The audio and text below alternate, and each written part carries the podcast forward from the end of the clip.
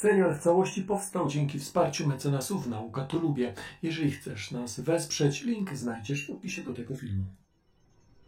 Tu sonda, tu sonda, słyszysz mnie? Czy moja antena działa? Może jednak podleciałam za blisko słońca? Tu sonda, tu sonda, jest tam ktoś? Już idę, już idę, już idę. Ojej, nie wiedziałem, że tak szybko dolecisz do Merkurego. O, ja musiałem tylko sobie herbatę zrobić. No wiesz, Merkury jest pierwszą, najbliższą planetą od Słońca. Czekając na ciebie, już trochę go zbadałam. I powiem ci, że to jest bardzo ciekawa sprawa, bo o ile nie mylą mnie czujniki, Mimo, że Merkury jest najbliżej Słońca, wcale nie jest najcieplejszą planetą w Układzie Słonecznym. żeby sprawdzić, czy wszystko ze mną w porządku, poleciałam na Wenus, na drugą planetę od Słońca. I wiesz co? Tam jest cieplej. Wtedy, kiedy ty robiłeś sobie herbatę, liczyłam, mierzyłam i analizowałam. I już wiem. I co, rozwiązałaś tę zagadkę? Tak, na Wenus jest cieplej, bo Wenus Wenus ma bardzo grubą atmosferę, która działa jak kołdra i przytrzymuje energię przy powierzchni planety. Energia słoneczna wpada na Wenus, ogrzewa ją, ale z trudem ucieka z powrotem w kosmos z powodu gęstych chmur.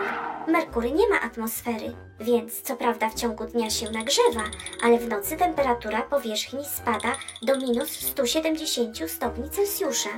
Powiem Ci, że badając Merkurego, trochę zakręciło mi się w głowie. Merkur jest najmniejszą planetą Układu Słonecznego. Żeby okrążyć Słońce, potrzebuje zaledwie 88 ziemskich dni, podczas gdy Ziemia potrzebuje pełnego roku, czyli 365 dni. Wyobrażasz sobie urodziny co 88 dni zamiast co 365? Choć rok na Merkurym trwa bardzo krótko, bardzo długo trwa tutaj doba. Merkury bardzo wolno obraca się wokół własnej osi. Dzień na Merkurym trwa aż 58 ziemskich dni. Czyli na Merkurym miałbym częściej urodziny, ale za to, skoro dzień trwa tam dłużej, musiałbym dłużej pracować, tak? nie wiem jak wy, ludzie działacie. Ale ja pracuję prawie cały czas. I w dzień dzięki energii słonecznej, i w nocy dzięki akumulatorom. I jakoś nikogo nie interesuje, że nie miałam urlopu od... ym, już nawet nie pamiętam kiedy.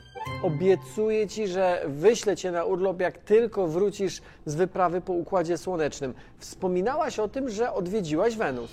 Tak, Wenus jest od Merkurego większa i nie jest wykluczone, że w przeszłości była na niej płynna woda. Dzisiaj nie ma szans, by się tam utrzymała. Temperatura na Wenus wynosi około 500 stopni Celsjusza. To dwa razy więcej niż w nagrzanym kuchennym piekarniku. Wenus, podobnie jak Merkury i Ziemia, jest planetą skalistą, czyli ma stałą, twardą powierzchnię.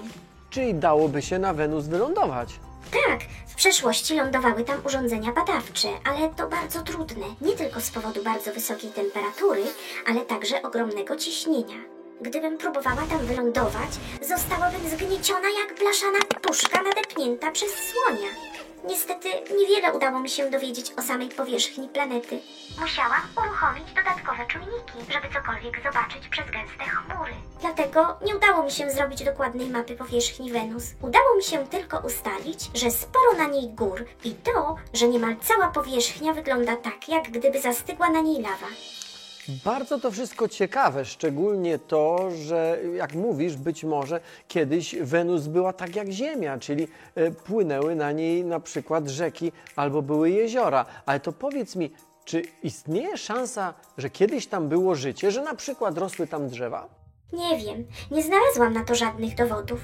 I choć jest całkiem możliwe, że życie jest na wielu planetach czy księżycach, nawet w Układzie Słonecznym, to jednak jedyną planetą, na której życie jest na pewno, jest Ziemia.